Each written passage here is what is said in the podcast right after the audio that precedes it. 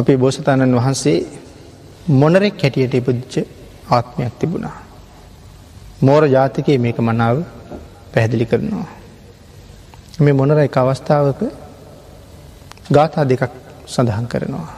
තිරිසං ආත්මක ඉන්නේ. මේ ගාථා දෙක බුද්ධත්වයට පත්වනාට පස්සෙත් අල්ප මාත්‍ර වෙනසක් කරන්නේ මේ ගාථාවී. යම් ධර්ම කාරණාවක ඉතා සියුම් වූ වෙනසක් හෝ ඇත්නම් භාගිතුන් වහසේ ධර්ම කාරණාව අනුමත කරන්නේ. එහෙම අනුමත නොකරන භාග්‍යතුන් වහන්සේ එදා මේ මොනරා සඳහන් කරපු මේ ගාථා දෙකේ කිසිම වෙනසක් කරන්නේ නැහැ. එහෙමනං ඒ බෝධිසත්ව කාලයේ මොන තරම් නුවනක් තියෙන් ඇද්ද.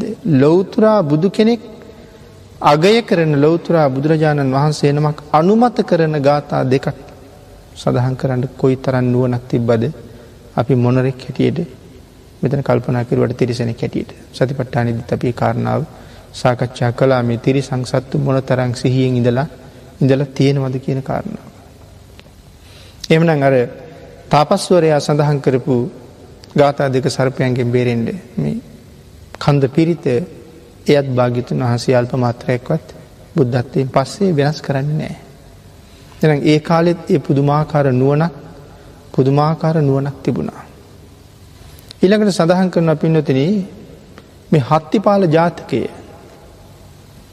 අපි බුදුරජාණන් වහන්සේ තමන්ගේ ශ්‍රාවකයන්ට යම් වැරදි සිතුවෙල්ලක් ඇති වුණොත් භාවනා වඩන තැනක නමුත් ඒ සිතුවිලි මාත්‍රයෙන් උන්වහසේ ළඟ පහළ වෙනවා.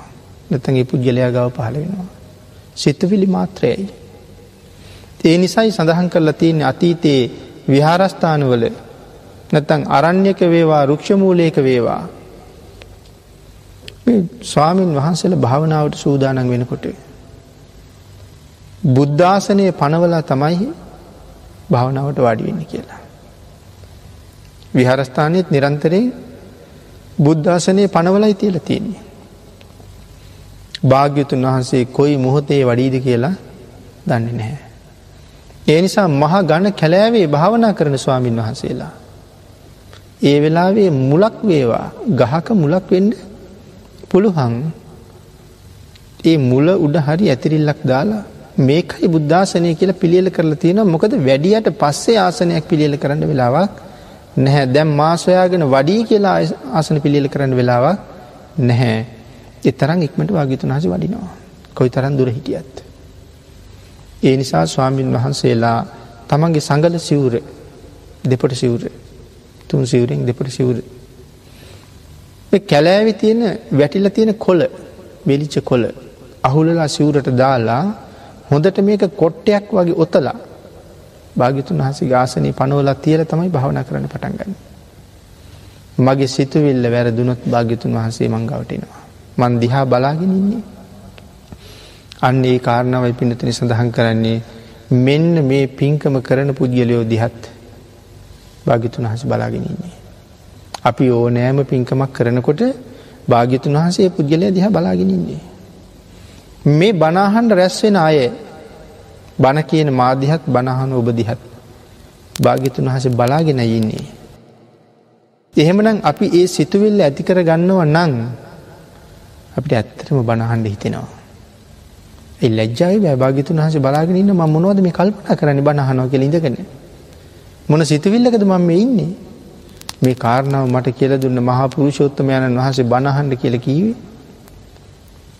නීවරණ ධර්ම යටපත් වේවා සප්ත බෝධ්‍යංග වැඩේවා මෙවන් උතුම් ප්‍රාර්ථනාවක බණහන්ඩ කියලකිවී.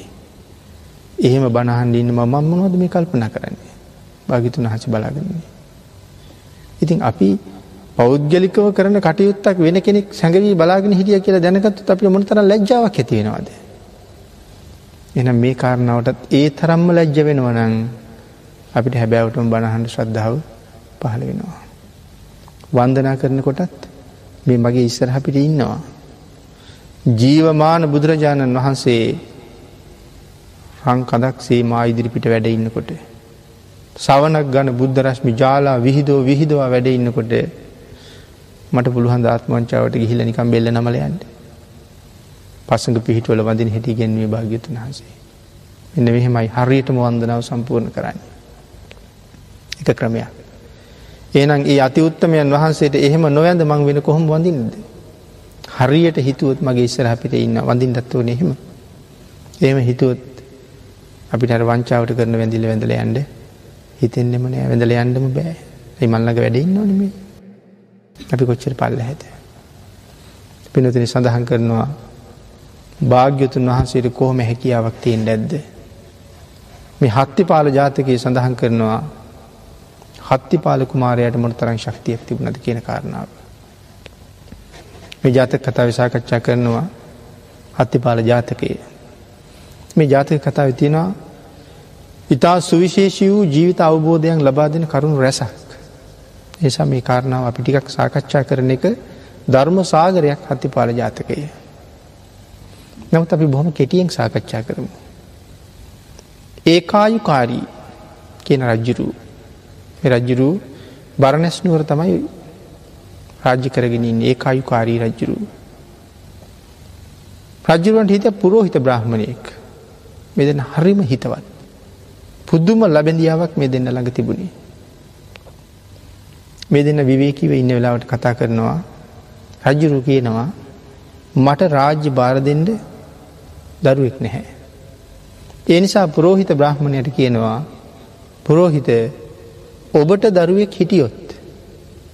මගේ පස්සේ මේ රාජ්‍ය මං ඔහුට දෙන බව සත්‍යයි. මට නැති නිසා උඹට දරුවෙක්කින් වන මං මේ රාජ්‍ය යට දෙනවා. එහෙම නැතුව උඹට දරුවෙක් නැතුව මට දරුවෙක් ලැබුණොත්. මම මේ රාජ්‍යත්ත ඔහුට දෙනවා හැබැයි ඔබේ වගකීමත් ඔහුට බාර කරනවා. නැත ඔබට බලාගන්න කෙනෙක් නෑ ඔබ බලාගන්නට මේ විදිහයට කල්පනා කර කර ඉන්නවා. නමුත් මේ දෙන්නටම දරුවෙක් නැහැ.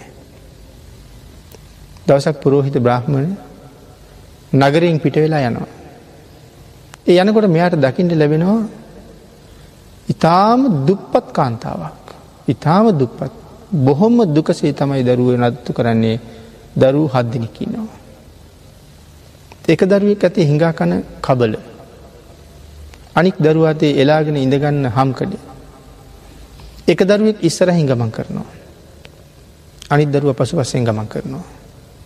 තව දරුවෙක් මෙයාගේ ඇගිල්ලෙන් අල්ලගෙනනවා. තව දරුවෙක් මෙයා ගුකුල ඉන්නවා. මත් දරුව ගොඩක් ඉන්නවා. නමුත් මේ දරුව නඩත්තු කරවන්න මෙ ඇයට කිසිම හැකියාවක් නෑ හිඟා කාල තමයි ජීවත්වෙන්නේ.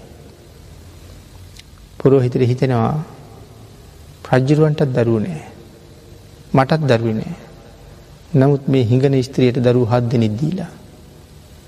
ඉට පස ස්ත්‍රී ගවට ගිහිල් අහනවා නැගනිය මේ දරුවන්ගේ තාත්ත කවුද. ඉට පස ඇ කියනවා මොවුන්ගේ තාත්තා කියලා කියන්න අහවල් කෙනෙක් නෑ තාත්තෙක් නෑ. ඉළඟට අහනවා තාත්තෙක් නැතුව ඔබ මොවුන් කොහෙන් ලැබුවද කියලා. ඉට පසි සඳහන් කරනවා නගර දවාරී තියෙන අහවල් නුග ගහහින රුක්ෂ දේවතාවා තමයි ඒක දන්නේ කියල කියනවා. ඉට පස ඇයට කියනවා නැගිනිය ඔබ යම් දිහාාවක යනවනගේ හියන්ට.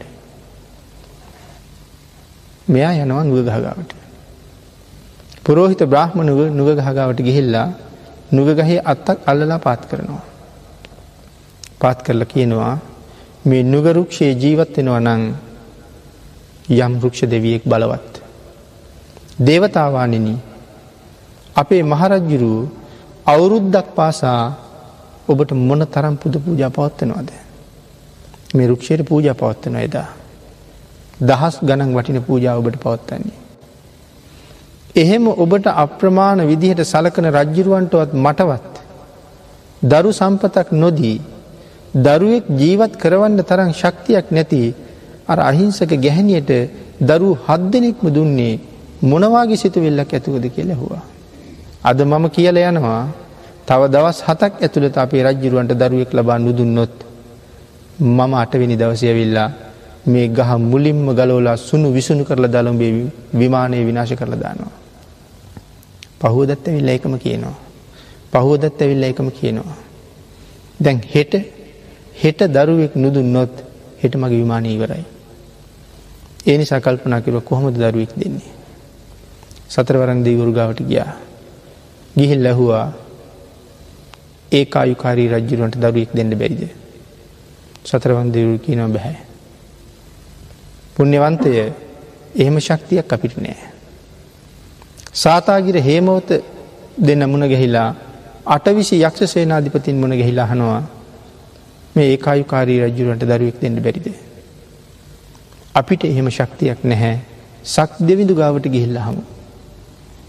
මේ සියලු දෙනාම යන සක්‍ර දෙවේන්ද්‍ර ගාවට. ගියාට පස්ස මේ කාරණාව කියන රුක්ෂ දේවතාවන් වහන්සේ. බැරිද දරුවෙක් දෙෙන්ට. ඉට වසි ශක්‍ර දේවේන්ද්‍රයන් වහන්සේ මහා ශක්තිවන්තයි. අධිෂ්ඨාන කරල බලහම දිවිය පුත්‍රයෝ හතර දෙනෙක් ඉන්නවා තවතිසාවම හෙට මෙහෙන් චුත වෙලා ගිහිල යාමී උපදිනවා.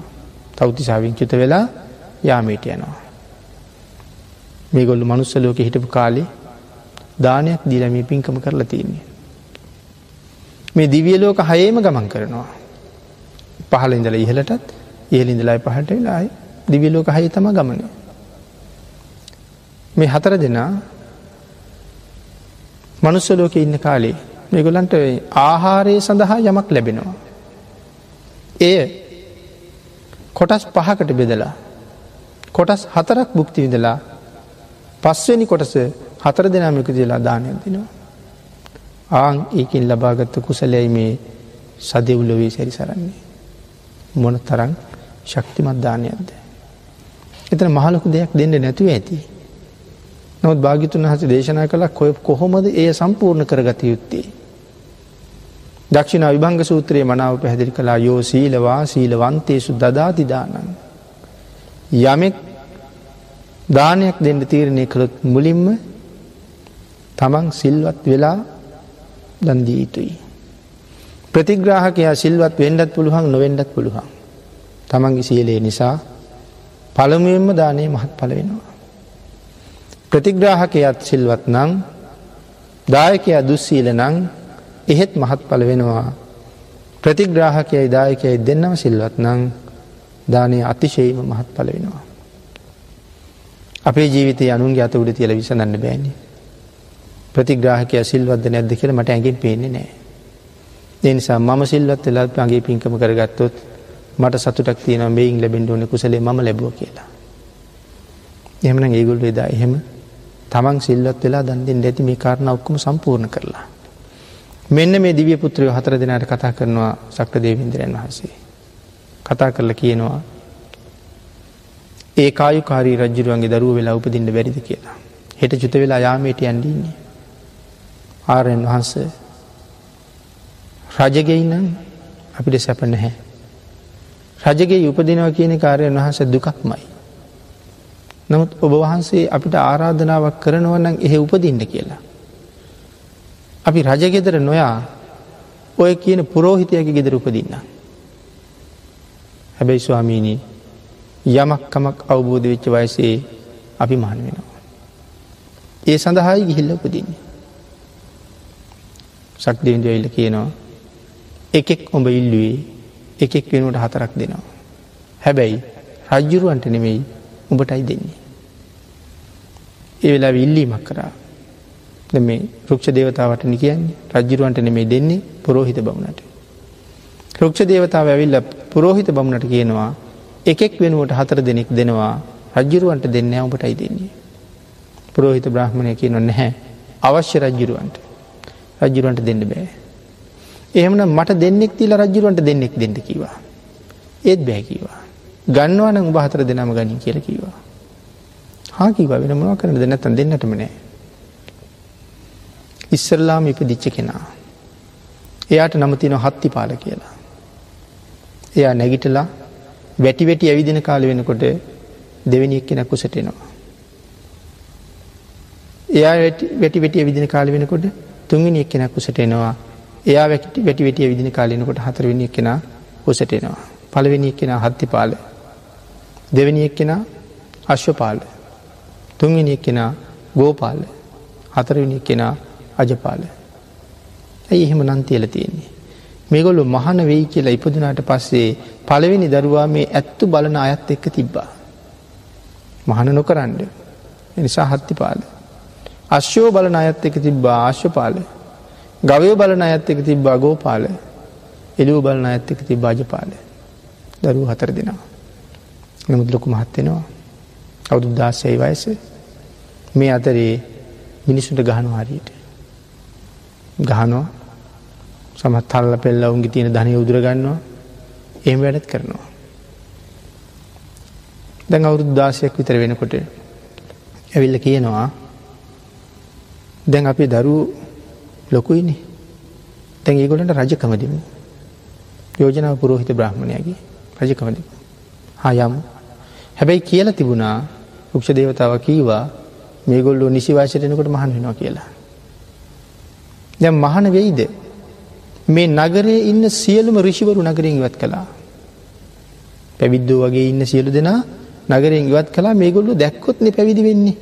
නැත්තං සිත් පහල වෙන්නේ න කව දාවත් දකිින්ට නෑ රිෂිවරයෙක් පැවිද්දෙක් ඔක්කොම නගරින් එලියට දාලඉන්නේ.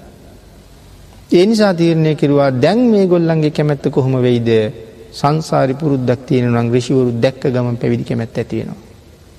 රජකම දෙට ඉස්සල්ල බැරිලා රජ වුණට පස රිසිවර දැක්කොත්තෙම රජවරු හොයාග නොන්තරන් රිසිවරු වෙන්ඩ පුළුවන්. රාජ්‍යද්දාල ගියොත් අපරාදී. එඳ පරීක්ෂණයක් කරම. රජ්ජුරුව පුරෝහිත බමනයි රිෂි වෙස් ගත්තා. ජනව හත්ති පාලකුමාරය හම්බවෙන්ට. පුද්දුම ප්‍රීතියක්. අප්‍රමාණ සතුට ප්‍රකාශ කර කර ඇවිල වඳිනවා. බැඳල ස්වාමීණී කුමක් සඳහා මෙහි පැමිණියේද කොහෙ සිට මෙහි පැමිණියේද විවිධ ප්‍රශ්න කාරණාහනවා.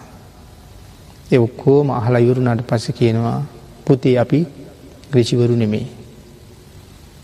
මම උබේ තාත්තා මේ අපේ රජ්ජුරු. අපි දෙන්න මෙහෙමාවේ ක්‍රෂිවරු දැක්කහම ඔබලාට පැවිදිවෙන්ට සිතක් ඇති වෙනවාද කියල බලන්ට. ඉතින් ඇහුව පැවිදි වෙනවාද කියලා. ඒලාව සඳහන් කරනවා පැවිදිවෙනවා. ඉන්න නෑ මේ ගිහි ගෙදර පැවිදිවෙන එක ඒ කාන්තයි පැවිද්ධ හොයාගෙන යනවා කියලා සඳහන් කරනවා. මෙතන සඳහන් කරනවා ජාතක කතාවේ.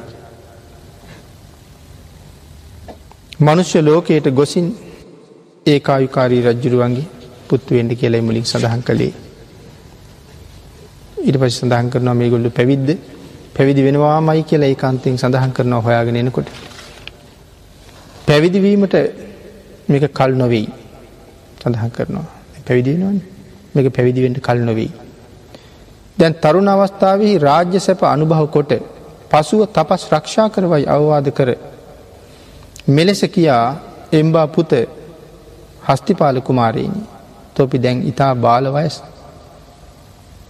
තපසට යන්නේ නම් දරු අවස්ථාවේ වේදත්‍රයත් ඉගෙන සම්පත් රැස්කොට සැප අනුභවකට ඒ වංශ රක්නට නිසි දරු කෙනෙකුත් ඉපිද වයසට පැමිණි කල්හි ඔවුන් සැපයෙහි පිහිටුවා තුන් වයස කෙලවර ගිහි සැප හැර වනයට ගොස් තපස් රැකීම යහපතැයි බුද්ධාදී මහෝත්තමයන් විසින් ප්‍රසංසා කරන ලද්දෙහි යැයි සඳහන් කරනවා. මෙන්න මේ කටයුතු ටික සම්පූර්ණ කරලා අන්තිම වයිසේ වනන්තරයට හිල තපස් රකින්න කියල බුද්ධාදී මහෝත්තමයෝ සඳහන් කරලා තියෙනවලු කියල සඳහන් කරන්නේ මේ බ්‍රහ්මණතුමා. ඒලයි හත්තිපාල කුමාරය කියනවා නුබ වහන්සේ කියන්න වූ වේදයෝ නම් අභිමතාර්ථයන් සාදාලියහෙන බව හේතුකොටගෙන සත්තනවන්නාහ. ඔබ වහන්සේ මේ සඳහන් කරන කාරණා ඔබ වහන්සේගේ අභිමතාර්ථය සම්පූර්ණ කරගණ්ඩ ඕන නිසා කියනවා මිසක් මේව එකක්වත් සත්‍යකාරණා සත්‍යකාරණා නෙවෙයි මේ අවුරුදු දාසයක කෙනෙක් කියන්නේ. මේකක්වත් සත්‍යකාරණන්න වෙයි. එනිසා සඳහන් කරනවා එසේ සම්පත් ලාබෙන් දුක් මුල් පමණක් විනා ලාභයක් නොවන්නේය. මේ සම්පත් ලැබීම දුකේ මුල මිසක් එක කිසිම ලාභයක් න නැහැ. ජරා මරණාදියත් වලකාලිය නොහි පරලෝහි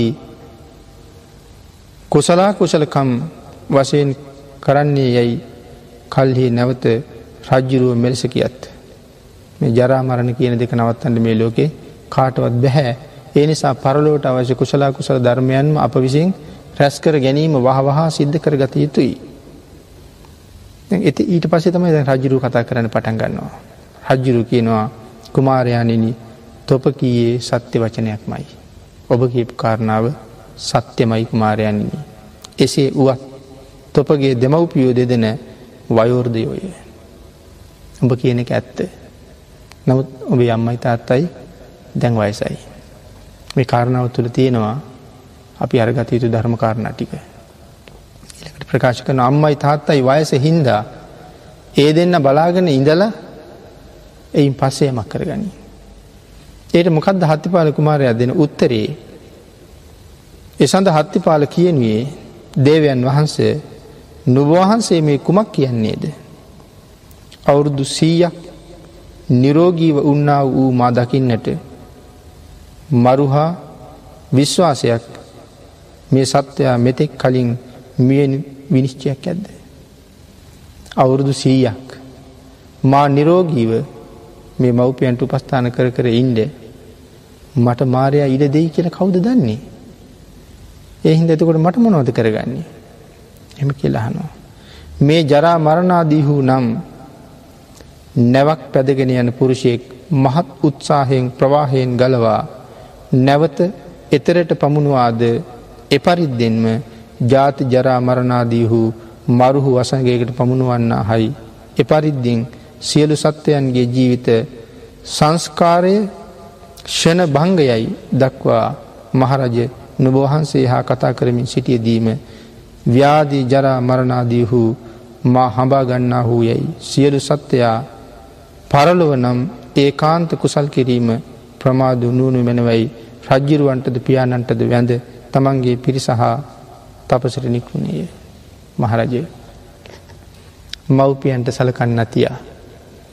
ඔබ වහන්සේ එක්ක මේ වචන කීපය සඳහන් කරන කාලයත් මා වේගෙන් ජරාවට සහමරණයට පත්වෙන කාලයයි. එහින්ද මට මට බාධා කරන්න එපා රජ්ජුරුවන්ටයි තාත්තටයි වැන්දා තමන්ගේ පිරිසත් එක්ක වනන්තරයට නික්මෙනවා. ජීවිතය අනිත්‍ය භාවය දැකපු හැටි. සම්පත් වල තියෙන භයානකත්වය දැකපු හැටි. කොයි තරම් පිරිසක් එක් කියනවා දම යනකොට. යොදුනක් යොදුනක් ප්‍රදේශය වැහෙනවා මෙඇත්ත කියන පිරිසට. මොඩ තරං කෝටි ගනම් පිරිසක් කරගෙන යන්න එක පාර. එතකට අතීතය කොච්චර ජනගහනය ජනගහනය හිටියද කියන කාරණාව මෙතන සඳහන් කරනවා. අපි මුල් කාරණාවක දිසාකච්ඡා කරලා තියෙනවා කලින් ජනගහනය හිටිය මහා සමේ දේශනාද අපි සඳහන් කලා මොන හේතු නිසාද මිනිස්සු අඩු වෙලා තියෙන කියන කාරණාව. පිනතන ඉන් පස්සේ ෂණයක් ෂණයක් පාසා ගඟ පළමුුවන ජල ප්‍රවාහය ද මෙයා ගිහිල ගඟ ගාවට තමගේ පිරිසත් එක්ක. තැන් ගඟ මොහොතින් මොහොද අලුත්වෙනවා. මේ වතුර දිහා බලාගෙන ඉන්නකොට දැන් අප අයට මතකයි අපි එක තැනක ගගේ බලාගෙන ඉන්නේ. එතන තියෙනවද මගේ ඇහැට වැදිච්ච පරණ වතුර ටික. මොන්න තරන් වේගෙන් මගේ ඇස්මානයෙන් ගඟ පල් හැට ගලනවාද මොහොතක් මොහොතක් පාසා වතුරටි අලුත්වෙනවා. එනිසා මෙයා කල්පනා කරනවා ජල ප්‍රවාහය ඉකුත්වන්නාක් මෙන් සත්වයාගේ රූපවර්ණ ආවි සංස්කාරයෙන් මෙ පරිද්දෙන් වහ වහා යනසුළුයි භාවනාකොට ධ්‍යානුපදවාගෙන සිටීම කළ යුතුමයි. මේ ජල ප්‍රවාහය යම් සේද ගලා බසින්නේ සත්වයාගේ ආවශ්‍ය ඒ තරං වේගෙන් ගලා යනවා. නිකං කාලය ගත කරල බෑ වහ වහා භාවනා කරල ධ්‍යානුපදවා ගත යුතුමයි. එම තීරණය කළා. දෙහෙම තීරණය කරලා තමන්ගේ පිරිසත් එක භාවනා කරලා ධ්‍යාන පුදවා ගත්තා. අපි මේ බොහොම කෙටියෙන් මේ කාරණාව සාකච්ඡා කරන්නේ. ඊළඟට ඒ බලාපොරත්තු සුන්වෙච්ච නිසා රජ්ජුරුවත් පුරෝහිත බ්‍රහ්මණ ඇතියනවා දෙවනි පුතා හොයාගෙන. ඉහිල්ලා දෙවනි පුතාටත් මේ ආරාධනාවම කලා එයත් රිෂිවරු දැක්කට පසි පුදුම සතුටක් සඳහන් කලා පිරිෂිවරු නෙමේ ඔබේ තාත්තයි රජ්ජුරෝ අපි දෙන්න. රාජ්‍ය භාර දෙන්න යාවේ. පුතා කියනවා පියාණන් වහන්සේ මාගේ වැඩිමහල් සහෝදරය ඉන්නකට ඉමං හොයාගෙනාවේ. ඒ වෙලාව කියන පුතනුවන්නේ ඔබගේ වැඩිමහල් සහෝදරයටත් මේ ආරාධනාව කළා නොමුත් ඔහු ඒ ප්‍රතික්ෂේප කරලා තපසට ගියා. ඒ වෙලා යහනව පියාණන් වහන්සේ. මාගේ බෑයන් දමාපු සේ සතින් මට ප්‍රයෝජන නැත. මාගේ සහෝදරයා මේ සේ සත අතහැරල කියන්න මටත් ඒකින් කිසිම කිසිම ප්‍රයෝජනයක් නෑ පියාණන් වහන්සේ. මමත් අපසට යනවා. මමත් රාජ්‍යයට කැමති නෑ. අඥ්ඥාන නුවන නැති සත්‍යයෝ මේ වස්තුකාම ක්ලේෂකාමයන් හැරපියා නොහෙන්නාහ මේ අඥ්ඥාන සත්‍යයා කවදාවත් වස්තුකාමත් ක්ලේෂකාමත් අතහරින්න කැමති අතහරින්න කැමති නැහැ. මම වනාහි ගිහිකම් කටුළු හැර වලට යමි. මම ගිහිකම් කටලු ඔක්ක මතහැරලා වනන්තර ගතයෙනවා. පුරෝහිත බමුණහා රජ්ජුරූ කියන්නාහු අශ්වපාල කුමාරයෝ තුමු මෙසේ කියන්නේ. රජ්ජුරුවයි බ්‍රහ්මණයයි මොනව කීවත් මෙයා අහන්නෙත් නෑ. උත්තමයාණන් වහන්සේ කාමයෝ නං එහි ගැලුනා වූ සත්වයෝ පය ඇදගෙන යා නොහැන බව හේතුගෙටගෙන කලල මඩක් හා සාන්ත්‍රයහ තාත්තටයි රජ්ජුරුවන්ටයි කියන්නේ උතුමානනී මේ කාමයෝ කියල කියන්නේ ඉස්සරහට යන සත්වයාට ඉස්සරහට යන්ඩ දෙන්නේ නැතුව. පාද දෙක අලවගත්ත මහ කලල් මඩක් වගේ ඉස්සරහට යන්ඩ හදනවා යන්ඩ දෙන්න මේ පාද දෙක අල්ලගෙන අලවගෙන වගේ කාමියෝ එක එක එක එක විදිහට එක එක නමින් එක එක හැඩයෙන් එක එක ස්වරූපයෙන් එක එක පෙනුමෙන් ඇවිල්ලා කොහොම කොහොමාරි කොහොම කොහොමාරි ඉස්සරහට යන්න තියෙන ගමන නවත්තනවා මිස ඔහුට ඉදිරියට යන්ට තල්ලුවක් නම් කරන්නෙම කරන්නෙම නෑ මේක තමයි කාමයන්ගේ ස්වභාවේ. සංසාරයේ සිට අකුසල් නොකොට සුචරිත ධර්මයෙහි හැසිරෙමි. මෙ පරිද්දෙන් රජ්ජුරුවන් හා බමුණන්ට නුබ වහන්සේත් කුසල් කිරීමෙහි සිට ප්‍රමාද නුව මැනවැයි. අවවාද කියාදී දේවයන් වහන්සය ජරාමරණාදී පැමිණින්නේය කල්්‍යයාමෙන් ආවුෂ නොගෙව්වමනව ඔබලත් නිකම් ආවුෂ ගෙවන්න එපා ජරාමරණ ඉක්මනටෙනවා. ඔබලාගේ කටයුතු සම්පූර්ණ කරගන්නට. එම සඳහන් කරල උන්වහන්සේත් වන් අන්තර්ගත වෙනවා. අර ගඟලඟට මයි සහෝදරය ගවට යන්නේ. අශ්‍යපාල කුමාරයත් යොදුනක් යොදුනක් ප්‍රදේශයේ වැහෙන පිරිසක් කරගෙන යන්නේ. ඉලකට යන්න තුන්ගනි පුතාගාවට. ඒ යෝජනාවම කරනවා. තුන්ගනි පුතත් අහන වැඩි මහල් සහෝදරයෝ දෙදෙනම ඉන්නකොට මාසොයාගෙනාවේ කුමන කාරණාවක් නිසාද. ඒ දෙදෙනාම මේ ප්‍රතික්ෂේප කරලා වනන්තර්ගත වුණා. පියවර සටහන් දැක පාදානුසාරයෙන් ගෙරින් සොයා ගනිද්ද මා බෑණන් වහන්ස තපසට ගියහ සඳහන් කරනවා මහන වෙන්නේ කොහොමද කොහොමද කියල හිත හිත හිටිය. මාගේ බෑයෝ දෙන්නාම තපසට ගිහිල්ලා උදාහරණයක් සඳහන් කරනවා. මෙයා ගෝපාලමනි හරක් බලන කෙනා තමන්ගේ හරක් නැතිවිච්චහම පියවර සටහන් ඔස්සේ ගිහිල්ල හරක්ටික හොයා ගන්නවා. මහන වෙන්නේ කොහොමද කියලා පෙරුම් පුරපුර හිටපු මට පාරක් හම්බුන අයිතින්ට යන්ඩ. තව මොන රජකන්ද මම යනවා මම යනව මගේ සහෝදරගේ පිදිහා. ඒගොල්ලු උන්වහන්සේත් යොදුනක් යොදුනක් තරමට පිරිසාරගෙන ගිහිල්ල එකතු වෙනවා. ඉතින් අර ධර්ම කාරණත් සඳහන් කරනවා බ්‍රාහ්මණයා කීනී කුමාරයනිනී තොපි එක් දෙදවසක් මෙතැන් හි රැඳව අපගේ ශෝකය සංසිදුවා ගත් කළ තපසටයාව. මෙගොල්ලු කියන දවස් දෙකක් ඉන්ඩ අපගේ ශෝකය යටපත්වෙනකම් නැතම් මේ දරූ ටික යනවා යනවා දරා ගණඩි පෑ. දවස් දෙකක් ඉඳලා අපේ ශෝකයේ සංසිඳවල යන්ට. දෙවෙල සඳහන් කරනවා මහරජය අද කළමනාකාරය හෙට කෙරෙමෙයි ප්‍රඥාවන්තයෝ කල් දාන්නේ. අද කරන්න තියෙන එක අද කරනවා මිසක් ප්‍රඥාවන්තයෝ කවදාවත් ඒක හෙටට කල් දන්නේ. ඒ නිසා අජ්‍යයෙහි කිච්චං ආතප්පං කෝ ජඥා මරණක්සුවේ අද කළ යුතුදේ අදම කළ යුතුයි කවුද දන්නේ හෙට මාසොයාගෙන මරණය එන්නේ නෑ කියලා. නුවනැත්තෝ ඒ නිසා කටයුතු ප්‍රමාද කරන්නේ නැහැ කවදාවත්. මහනින විශ්වාසයක් වත් නිශ්චයක්වත් නැත්තේ යැයි ගෝපාලකුමාරයෝ ඔවුන් දෙදෙනට ධර්ම දේශනා කොට කාමාසාවල් සියල්ල අතහැරල ගෙල්ලා පැවිදි වෙනවා. එලකට සඳහන් කරනවා ඊළඟ පුතනුවන් ගාවටත් ඉහල කරුණු කාරණ සඳහන් කරනවා ඔහුත් ඒ විදිහටම රාජ්‍ය අතහැරල යනවා. දරුවටික ගියාට පස්සේ බ්‍රහ්මෘතුමත් යනවා. බ්‍රහ්මණතුමා ගියට පස්සේ බ්‍රහ්මණතුමාගේ බිසවත් යනවා. රජ්ජුරු අර්ගවල්ලන්ගේ දන දහන්න ගෙනල ගොඩ ගහ ගණඩල හැත්තිය. රජ බිසව රජ විසවේ වෙලාවේ රජ්ජුරුවන්ට කතා කර ලහනවා මොනවා සඳහාද මේ උද්‍යානී සූදානන් කරන්නේ. මාලිගාවි තියනේවා එලියෙන් තියලා අර සිටු පවලියව ගෙනල ගොඩ ගහ ගණඩල හැත්තිය. දෙවෙලවි කියනවා රජ්ජුරුවන්ගේ බිසව කියන ඔබ ඔබ මහා ලෝබී රජ්ජුරුවන්ට ධර්මකාරණාවක් අවබෝධ කරවන්න ඕන කෙළ හිතුනා. මස් ගොඩක් ගෙනල්ල ගොඩ ගැහ්වා රාජාංගනී. ගැල දැලකින් වැැහවා. විශාල මස් ගොඩවල්. ගිජුලිහිනිියෝ වටේම කැරගෙනවා. හරිම වටිනා ධර්ම කාරණමවා නමුත්තා කෙටියෙන් අපි මෙසිහිපත් කරගෙන යන්නේ. දැන් ගිජිලිහිනිියෝ කැරකිලා අර දැලින් රිංගලා ගිහිල්ල මස් කනවා. මස් කාලා ඉවරලා පිටවෙන්ඩ හදනකොට පිටවෙන්ඩ බෑ දැම් බඩවල් ලොකුයි. දැඟර කවුළුවලින් රිංගණ්ඩ බෑ. ඒ නිසා නුවන තියෙන අය කාපුවා එතන වමාරනවා. වමාරලා දැලි රිංගල යනවා නැත්තම් මේ ඇතුළි මැරෙන්ඩ වෙනවා. නුවන නැති අය හොඳට බඩපුරා කාලා යන්ඩ බැරුව දැලි එල්ලිලා ඉන්නවා. ඒ වෙලාවේ මේ දැලේ එල්ලිලා වැටිච්ච ගිජුලිහිෙක් අල්ලගෙන ගිහිල රජරුවන්ට පෙන්නලා කාරණාව කියන රාජබුද්‍යානය බලන්ඩ රාජංගනයට වෙලා තියෙනදී. බලකින මේ කාල කාල කාලා දැලින් රිංග ගණ්ඩ බෑ වැටිලා. මේ කට්ටියගේ හිටිය ඥානවන්තයෝ උන් කාල කාල බලහම යන්න බෑ කාබු ඔක්කොම වමාරලා උන් රිංගලා ගියා මහරජය ඔබම කද්ද කරන්න හදන්නේ. දරු හතර දෙනාම ගිහිල්ලා.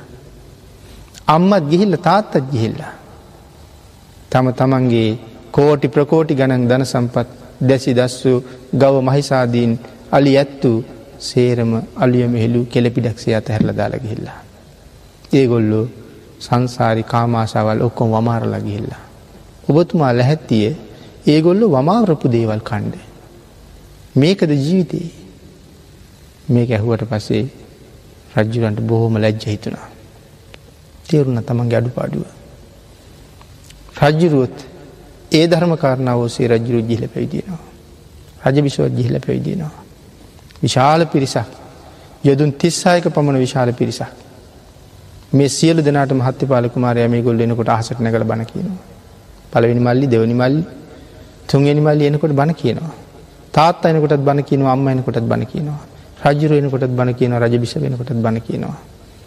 මේ රාජ්‍ය පාලු වෙලා දකිනකොට මේගොල්ල මේ තරං සැප සම්පත් අතහැරල ගිහිල්ල තියන්නේ තපස එහෙමනං කොච්චර සැප ඇද රජ සැපයට වඩා තපස සැපයි ඒගොල්ලුත් යනවා ඒ සියලු දෙනාට මහසට පැනග නැග බණ කියනවා. යොදුත් තිස් හයක පමණ පැතිල්ලා ඉන්න තමන්ගේ මේ විශාල ශ්‍රාවක පිරිසත් එක හිමාලයට යනවා. සඳහන් කරනවා. ඒ අය මේ ධ්‍යාන භාවන වඩනකොට යම් කාම සිතුවෙල්ලක් ඇති වුණොත් මේ යොදුන් තිස් සහික පැතිල්ලා ඉන්න පිරිසට ඒ සිතුවිල්ල ඇතිවෙන සැනින් හත්ති පාලකුමාරය ඇතින්ට යනවා කියලා. හරිටිකම් පහළ වෙනවා වගේ යනවා.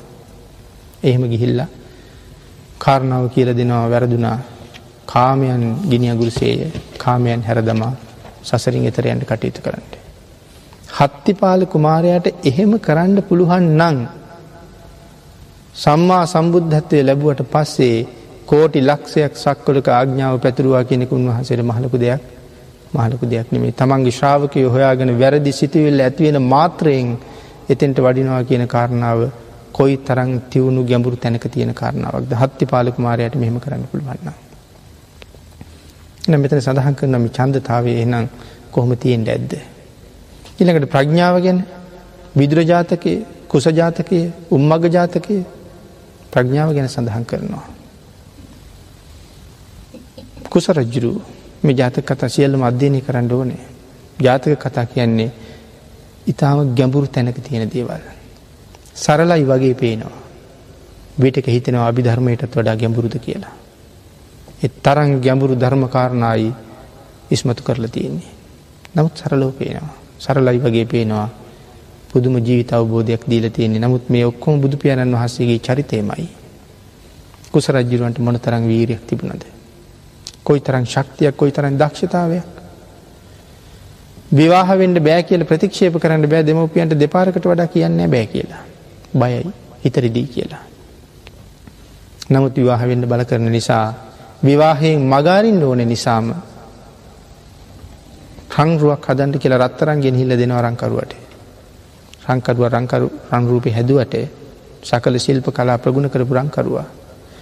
නමුත් රජ්ජරුවන්ට ඒ තරම් හිතට මදි මේක මට ඕන හැටියට හැදෙයිද දන්න. කුස රජ්ජුරු කවදාවත් තක්ෂලාවක ගිහිල්ල ඉගෙන ගත්ත කෙනෙක් නෙමෙයි. එතකොට කුස රජ්ජිරුවත් ඉගෙන ගත්තේ නැත්තං සිද්ධාර්ථ කුමාරයට ගුරු හිටිය කෙනෙක මොන විහිළුවක්ද කියලා අපිට හිතෙනවා ප්‍රඥාවක් ඇත්තං. නමුත් තීරණය කරන මාත්‍රන්රුවක් හදනවා කියලා. තමන් රත්තරං රූපයක් හදනවා හදල තමන්ගේ කුටිය ඇතුළි තියල වහල තියෙනවා. රංකරුව හදාප රූපය අරංගෙනවා ස්වාමීනී පිළිරු අරංආවා. මට බලන්ඩ විවෘත කරන්න කිවා. සතුට නෑ කොහොමත් විවෘත කරන්න කලින් දන්නවා මේක මට සැහෙන්ට බෑ කියලා. විවෘත කලාට පස්සේ කියනවා මං හදාපු පිළිමෙකුත් තියෙනවා මගේ කුටි ඇතුළි ගිහිල්ල අරගෙන්ට කියලා. දොරගාවට ගිහිල බල්ල ඇවිල රංකරුව කියන ස්වාමීණී ඇතුළට යන්ට මට ලැජ්ජයි වගේ. ඇයි කියලෙහවා. බිසවුන් වහන්සේ ඇතුළේ ඉන්නවා කිවා. ටැසික බිසවක් ඇතුළේ නැහැ. බිසවක් ලබන්ඩ වෙයි කියලා මේ උපායක් ඇතුළෙ තියෙන මං හදාපු රූපී. සකල කලාවන් ප්‍රගුණ කරපු ශිල්පයා රවට්ටන්ට තරම් රූපයක් හදන්න පුස රජ්ජරුවන්ට පුළුවන්ගුණේ කාගෙම තිගෙනගෙන ඉගෙනගෙන නෙවෙයි. නමුත් අන්තිමට පබවතී වාහ කරගන්න සිද්ධ වෙනවා. පවාවති නිසා කුස රජ්ජුරුත් එක යුද්ධට එනවා රජවරු හත් දෙනෙක් එක්කෙනෙක් කෝටිය කෝටිය සේනාවර්ගන යුද්ධට එන්නේ. එක්කෙනෙ එක කෝටියක් න තුර කෝටි හතක් අරගෙන රජවරු හත් දෙනෙක් ඇවිල්ල තින්නේ. යුද්ධ පිට ඇවිල්ල තමයි පනී දේවන්නේ කුස රජ්ජරුවන්ට යුද්ධට ආවාපි කොයි මහලකු කුස සඳහන් කරන කෝටි හතක් එක යුද්ධ කරන්න කුස රජ්ජුරු කොහොම එන්ඩ පාද. නමුත් කුස රජ්ජුරු වෙන්නේ තනියම. අහං සීහස්සර කුසරාජා. යුද පිටියට ඇල්ල තුම් පාරක් සිංහනාද කරනවා මටයි සිංහ සේනාධිපති කුස කියල කියන්නේ කෝ යුද්ධට අප අය. සඳහන් කරනවා යුද්ධයක් නෑ කෝටි හතම හිස්ලූලු අත දීව කියලා. මොන තරං වේගෙන් දුවන්ඩ පුළුවන්ද කුස රජ්ජුරුවන්ට සඳහන් කරනවා රජවරු හත් දෙෙන හත් පැත්තර දුවනකොට දුවගෙන ගිහිල්ල එක්කෙනෙක් අල්ලගෙන ඇවිල්ලා නුවරට ගෙනහිල්ල ගැට හල බැඳලා එයා බැඳල තම අනික් රජුරු පස්සේලවන්නේ. එයා ගෙනල්ල නුවර ගැට ගහල තිලා අනික් රජුරු පස්සේලවනවා. රජවරු හත් දෙනාම පිළිවලින් අල්ලගෙන එල්ල නුවර ගැට ගන්න. මොන තරං වේගින් දුවන්ඩ ඇද්ද. පිනතිනයකට හරි ලස්සන උදාහරණය පෙන්වන ජවන හංස ජාතකී. අපි මහබෝසතණන් වහන්සේහන්සේක් වෙලා ඉපදිලා හිටු පාත්මයක්. ඒ කාරණවත් අපි බොහොම සරලෝ සඳහන් කරම කොයි තරං ඒ ජීවිතවල ශක්තිමත්ද කියන්නේ. බර්ණැස් රජුරු රජකං කරන කාලේ ලක්ෂ ගානක් හන්සයන්ගේ නායක ඇවෙලා ඉපදිලා ඉන්නේ. එක දවසක් තමන්ගේ මල්ලිලා දෙන්න. හන්සයාගේ මල්ලිලා දෙන්න. කියනවා අයින්ඩි අපිට සූරයා එක දුවන්ඩුවනේ එපා කීවා සූරය එක දුවන්ඩ බෑ. දෙවනි දවසි ජිහිල්ල කියනවා අයන්ඩි සූරය එක දුවන්න මෝනෑ යන්ඩ එපා. ජීවිතය අකාලි නැතිකරගන්න යන්ඩ පොය ගමන කිවා. තුන්ගනි දවසි ජිහෙල්ල හෝ අයේ සූරය එක දුවන්ඩෝනය එපා කිවා. තීරණය කෙරවා අපි දෙන්නගේ හයි අයිය දන්නේ නෑ අප තින්නයා.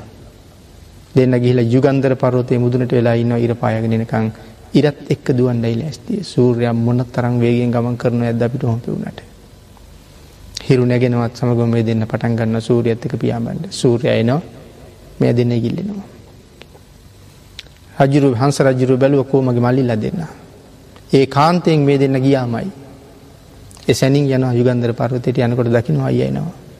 සඳහන් කරනවා ඔබ දෙදෙනගේ ජීවිතය ගලවා ගැනීම සඳහම ආව කියලා. දැ සූරයා නැගෙනවා මෙදෙන යනවා.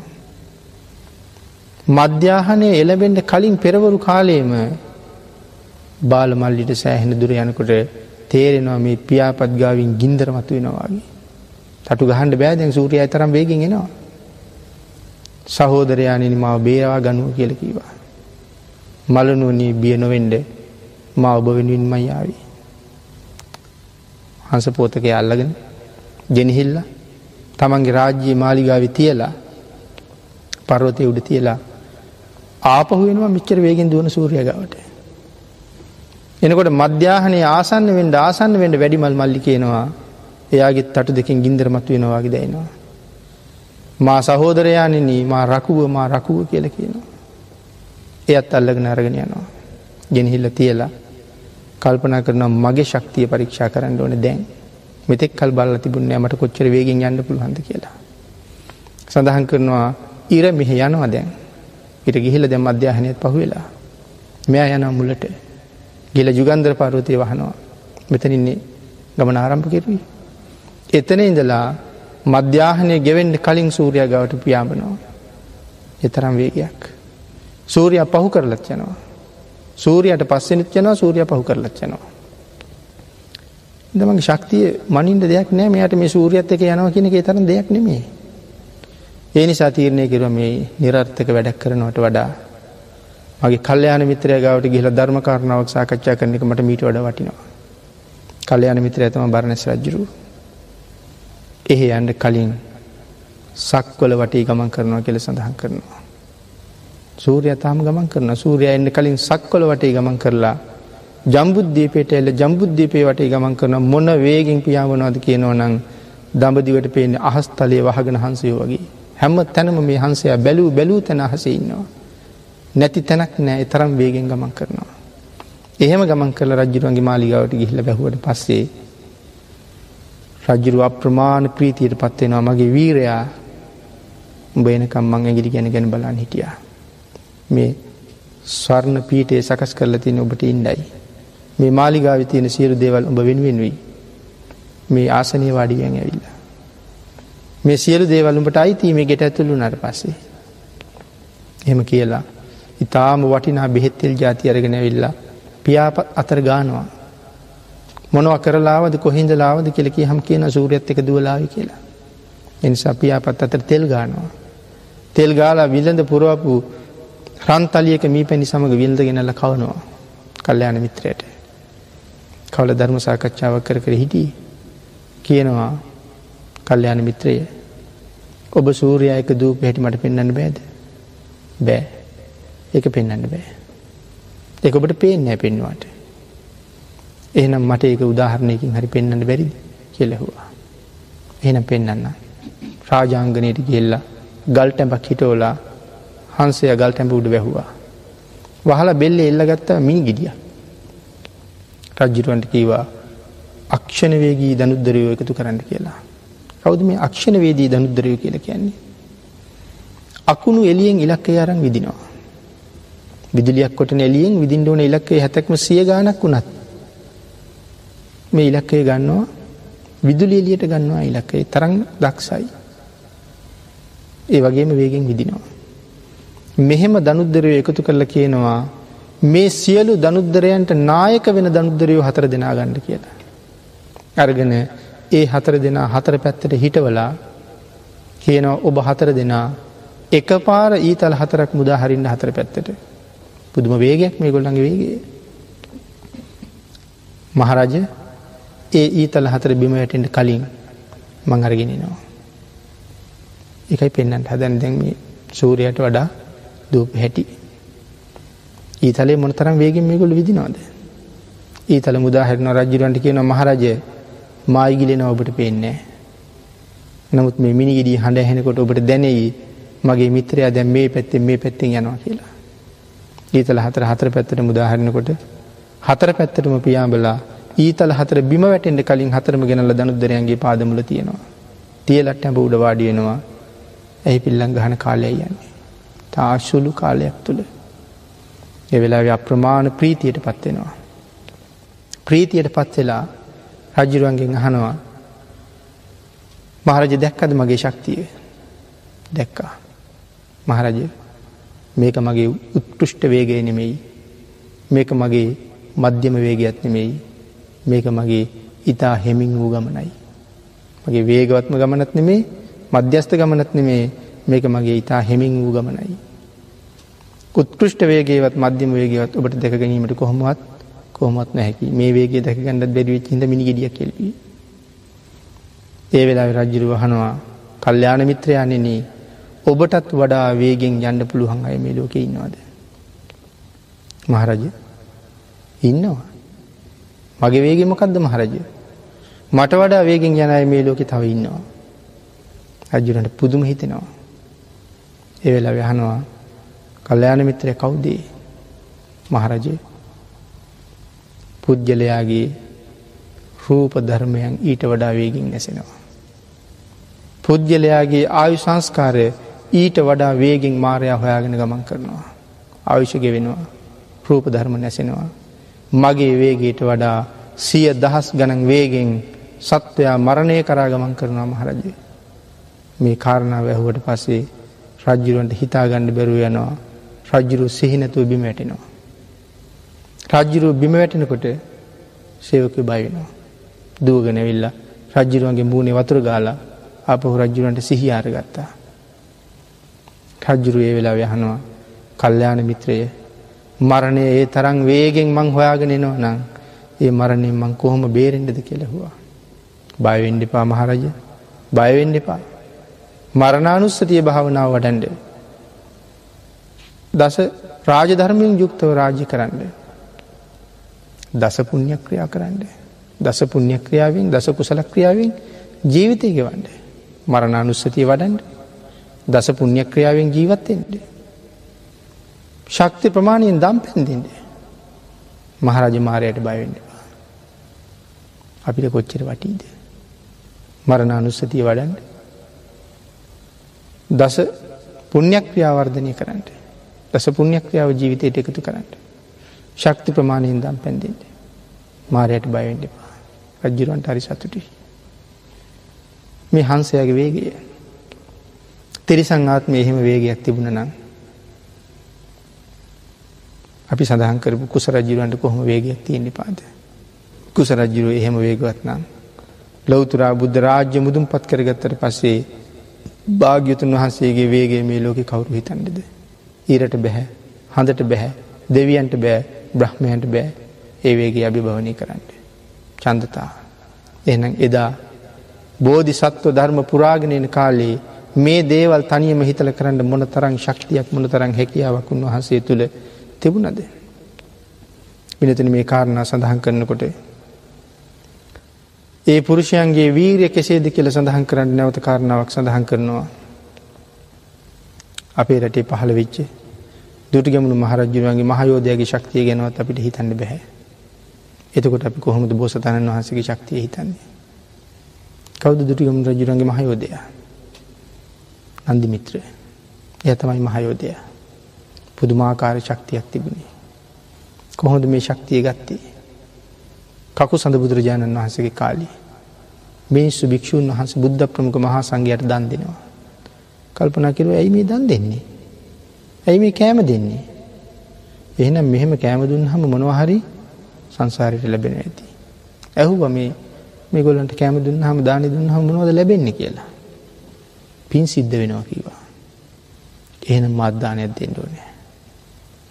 එසේම සේදානයක් මේ පින්නත මිත්‍යා දෘෂ්ටියකුත් විඳනවා මේකින්. මෙයා තීරණය කරනවා මම ලේසිදානයක් නෙමේ දෙන්නේ. මෙයා ගිහිල්ල මිලට ගත්තා මුව මස්. මුවමස් මිලට අරගෙන ගෙදර ගෙනල්ලා ඒ මස් තෙලෙන් හැදුව කිරට හැදුව මිරිසට හැදුව මේ හදන්ඩ පුළුවන් හැම ක්‍රමයකටම මේ මස් ව්‍යංජන හැදවා. එකම මස විවිධ ක්‍රමවලට හැදවා. ඉ ධර්මය සඳහන් කරනවා අගුරු මස්ය කටු මස්ය හදාපු හැටි. මෙහෙම හදලා සුවඳ ඇල්හාල් බතක් වෙලා මහරහතන් වහන්සේ නමකට දාන දෙනවා. දෙව්ලව ඉපදින්නේ. මෙ කුසලී බලය කාශ්‍යප බුදුරජාණන් වහන්සගේ කාලීපදිලා ආයත් පින් කරනවා. ඒත් දන් දෙෙනවා. අපි බුදුරජාණන් වහන්සගේ කාලී ගෙවිල්ල භාගිතුන් වහස පිරිනුවම් පාල මේ රටේ ධර්මය ස්ථාපිත කරවල ධර්මය පවතින්නේ මේ රටේ කියල දේශනා කරලා මේ කටයුතු ඔක්කොම තියෙනකට උපදින්නේ මේ රටීමයි. ඉපදිලා සම්බුද්ධ ශාසනය සුරක්ෂිත කරන්න පුදුම ශක්තියක්. එදා පින් කරලා අරගත්ත ශක්තිය අද බුද්ධ ශාසනය රකින්න යොදන්නේ. බොහොම ලාබාල වයිසගත් මෙයා නවත්තන්න බෑ. ජන්තන් දනගාන කාලේ මව්පියන්ට වැඩක් කරන්න දෙන්න නැති හිද දාගලී ගැට ගැහවා. දාගල ඇදගෙන ඉන්ඩිය එහෙම ගැට ගහල ගිහිල්ල බලහම් ඒකත් ඇදගෙන ඇවිල්ලා. ඊළකට බේරන්න බැහිහිද මිරිස් කලි ගැට ගැහවා. මිරිස් ගලේ ගැට ගහල තියල ගිහම් කුමරට එනවා මිරිස් කලත් ඇදගෙන. ඉට පස මොනෝ කරන්නද. මේ ගලි යට ගහල තමයි උන්න පඳුරක් යට තියල තිබේ. ඇවිල්ලා ඉතින් ගල කඩාගෙන ඇවිල්ලා වැඩ කරන මිනිසුන් කකුල් දෙකස්සෙන් යනවා වැඩ කරන ඉස්සරහිම් පෙරලෙනවා ඇත් පෙටියෙක් වගේ පෙටි පෙරලින්නවා අනිකයට වැඩ කරන්න බෑතිව. තගලනවා හරියට. හඳහන් කරන බේරෙන්ඩම බැරි හින්දා දවසි වැඩ ටික කරාගණ්ඩ ඕන හින්දා නැවතවතාවක් ගෙන හිල්ල උන පඳුර ළඟ තියලා ඉන කැපෙන්ඩි නැති පටියක් ඉනට දාලා උනගහක බැන්ද කියලා. සඳහන් කරන උනගහ කොහොමද මේ උනගහ ගලෝලා එදා තිබිච්ච කරත්වොලට පැටවුවනං කරත් හැටක් ඕන කියන මේ උුණ පඳුර පටවන්ට. මේ වන ගහේ බැඳල ගිහිල වැඩ කරන්න පටන් ගත්ත විතරයි උනගහත් ඇදක නතන. ඉතින් එනි සමයාගේ ශක්තිය. සඳහන් කරන අවුරුදු දොළහක් විතර වයස වෙනකොට. අනුරාධපුරිය විදිනවා. මෙයාගේ තාත්ත මිත්ත මිත්‍ර කියලකෙන එලා රජුරන්ගේ ප්‍රධාන සැම්පතියෙක්. එලා රජුරන් සැම්පතියගේ පුතෙක් මේ නිසයි මෙයාගේ නම මිත්ත වුණේ මුලින් නම මිත්ත පස්සේ නන්දි කැල්ල එකතු වෙන්නේ. නමුත් මේ තාත් එක්ක සෙවනි හැදමින් එලා රජරුවන්ගේ පාර්ශවය ඉඳමින් මේ අනුරාධපුරටන පුදුම ලස්සනයි. චෛත්‍ය මළුව සුදෝ සුදුවට බැබලෙනවා. දවල වර්ණ එතරම් ලස්සන වැලි අතුරලා ලස්සනට අතුගාලා චෛත්‍ය මළු බැබලෙනවා හඳේලීට. එවෙලාවේ නමුත් මේ පෞකාර පුද්ගලයෝ බෝධීන් වහන්සේ උඩ නැකල කපනවා. බෝධීන් වහන්සේට ඇන ගහනවා. බෝධිය උඩ ඉඳලා මුත්‍රා කරනවා. බෝධිය උඩ ඉඳල මල පහ කරනවා. චෛත්‍ය මළුව අපවිත්‍ර කරනවා. හරිම දුකයි. අවුරුද්දොලහක් විතර වයිස. තීරණය කිරවා මේ මිනිස්සු බුද්ධ ශාසනය විනාශ කරනවා.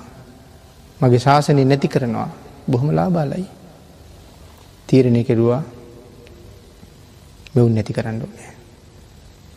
ඒ නිසා ගෙහිල්ල රෑට මේ අප විත්‍ර කරන මිනිස්සු උත්සලා ගල්ලුල ගහල දෙකට පලනවා කියලා.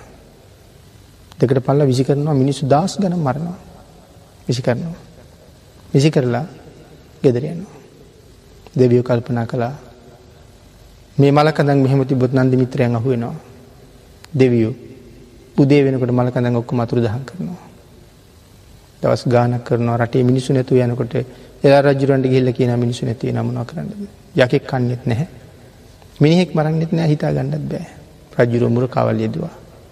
මොකද මිනිස්සුන්ට වෙන්න කියල බලන්ට ඒවෙලා විතීරණය කරමට තනිව මේ යුද්ධ කරන්නත් පුළුවන්. නොත් ඊට වඩා ශක්තිමත් රජක එකතු වෙලා එක කියල ගිහිලතමයි කාවන්තිස රජ්ජුරුත් එක එකතු වෙන්නේ.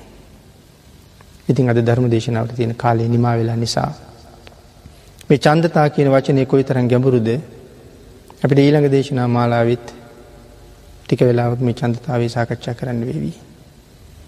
අදට ධර්ම දේශනාවට තියෙන කාලය නිමා වෙලා තියෙන නිසා. මේ සඳහන් කරපු කාරණ බෝධිසත්ව අවදියෙන්වත් අපට තීරණය කරන්න බැරිකොට සම්මා සම්බුදුන් කෙසේ අවබෝධ කරන්නද කියන කාරණාවේ ගැඹුරයි මේකින් පැහැදිලි කරන්නේ එම නැත්තන් බෝසතාණන් වහන්සේ අපට නිකම්ම නිකන් තවත්තක පුද්ගලයෙක් විතරක් වෙනවා. එනිසා සම්මා සම්බුදු වෙන බෝසතාණන් වහන්සේ අසහය කෙනෙක්.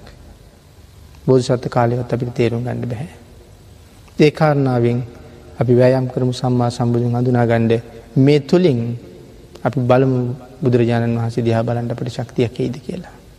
ඒ සඳහා ඔබ සියලු දෙනාටම ශක්තිය දෛරිය භාග්‍ය වාසනාව උදාවේවා